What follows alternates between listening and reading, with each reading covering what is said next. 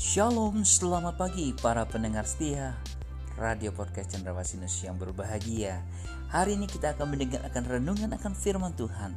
Biarlah firman Tuhan yang hidup itu akan menjadi berkat ketika Anda mendengarnya Dan rema dalam kehidupan Anda. Selamat mendengarkan firmannya. Tuhan Yesus memberkati Anda.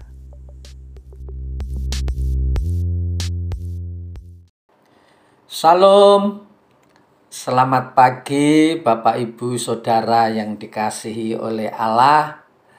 Apa kabarnya pagi hari ini? Doa saya Anda dalam keadaan sehat, kuat, dan tentunya tetap bersemangat.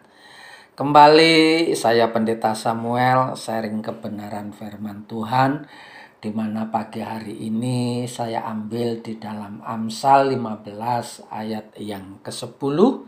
Demikianlah kebenaran firman Tuhan itu. Didikan yang keras adalah bagi orang yang meninggalkan jalan yang benar. Dan siapa benci kepada teguran akan mati. Haleluya. Pagi hari ini saya kasih tema yaitu didikan Tuhan. Ibu bapak saudaraku yang dikasih oleh Tuhan, sahabat podcast yang dimuliakan Allah, didikan itu identik dengan ajaran maupun latihan. Orang fasik adalah orang yang bodoh karena tidak mau dididik atau dilatih oleh Tuhan sehingga disebut juga sebagai orang bebal. Tetapi orang pintar adalah orang yang mau dididik oleh Tuhan.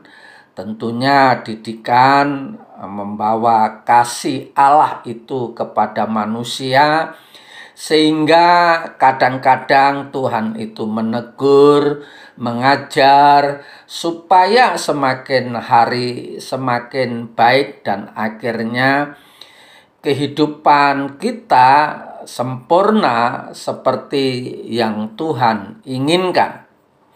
Dan Tuhan tahu batas kemampuan kita sehingga didikan itu tidak akan melebihi kemampuan pada diri kita.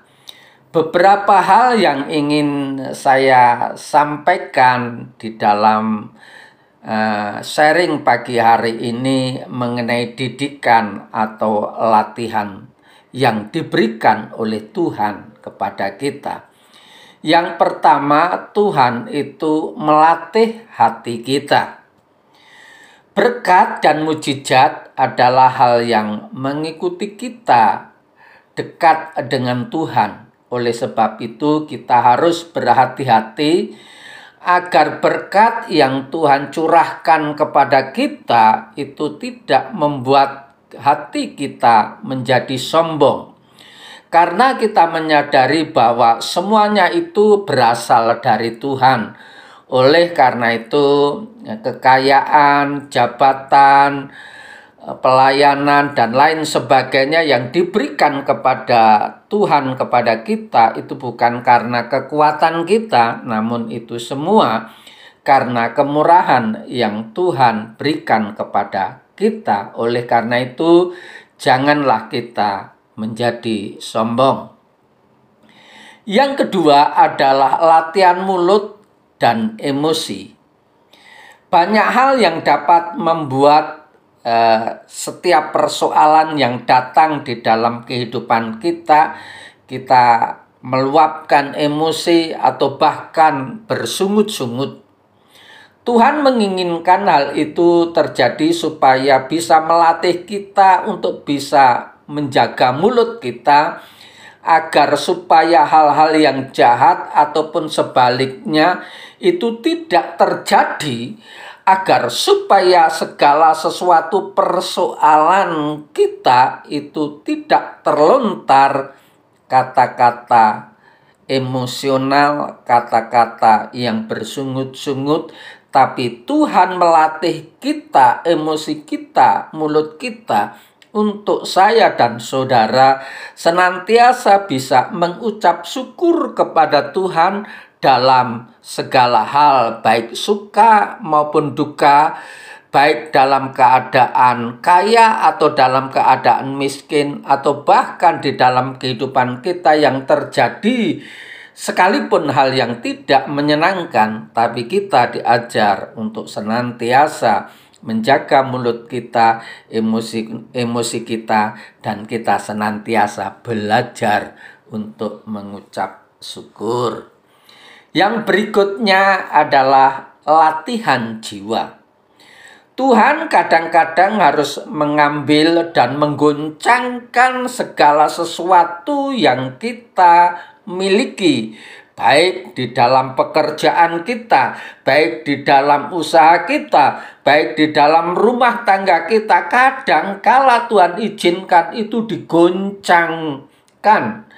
Oleh karena itu, dalam goncangan itu kita tidak mengandalkan kekuatan kita, kita dilatih untuk belajar mengandalkan Tuhan di dalam kehidupan kita agar supaya kasih Allah itu sempurna di dalam kehidupan kita.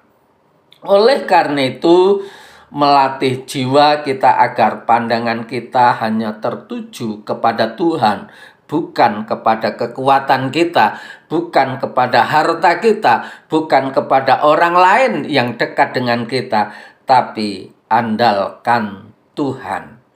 Oleh karena itu, Allah mendidik, Allah mengajar saya dan saudara untuk membawa kita kepada hidup yang diberkati dengan berkat yang berkelimpahan.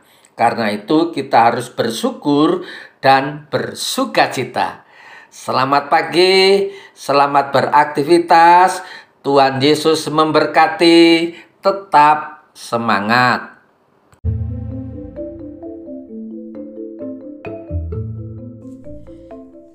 Sampai jumpa esok hari. Kiranya damai sejahtera dari Allah Bapa, kecintaan kasih daripada Tuhan Yesus Kristus, dan persekutuan Roh Kudus menyertai kita mulai hari ini, esok, sampai Maranatha. Tuhan Yesus datang kedua kalinya. Sampai jumpa.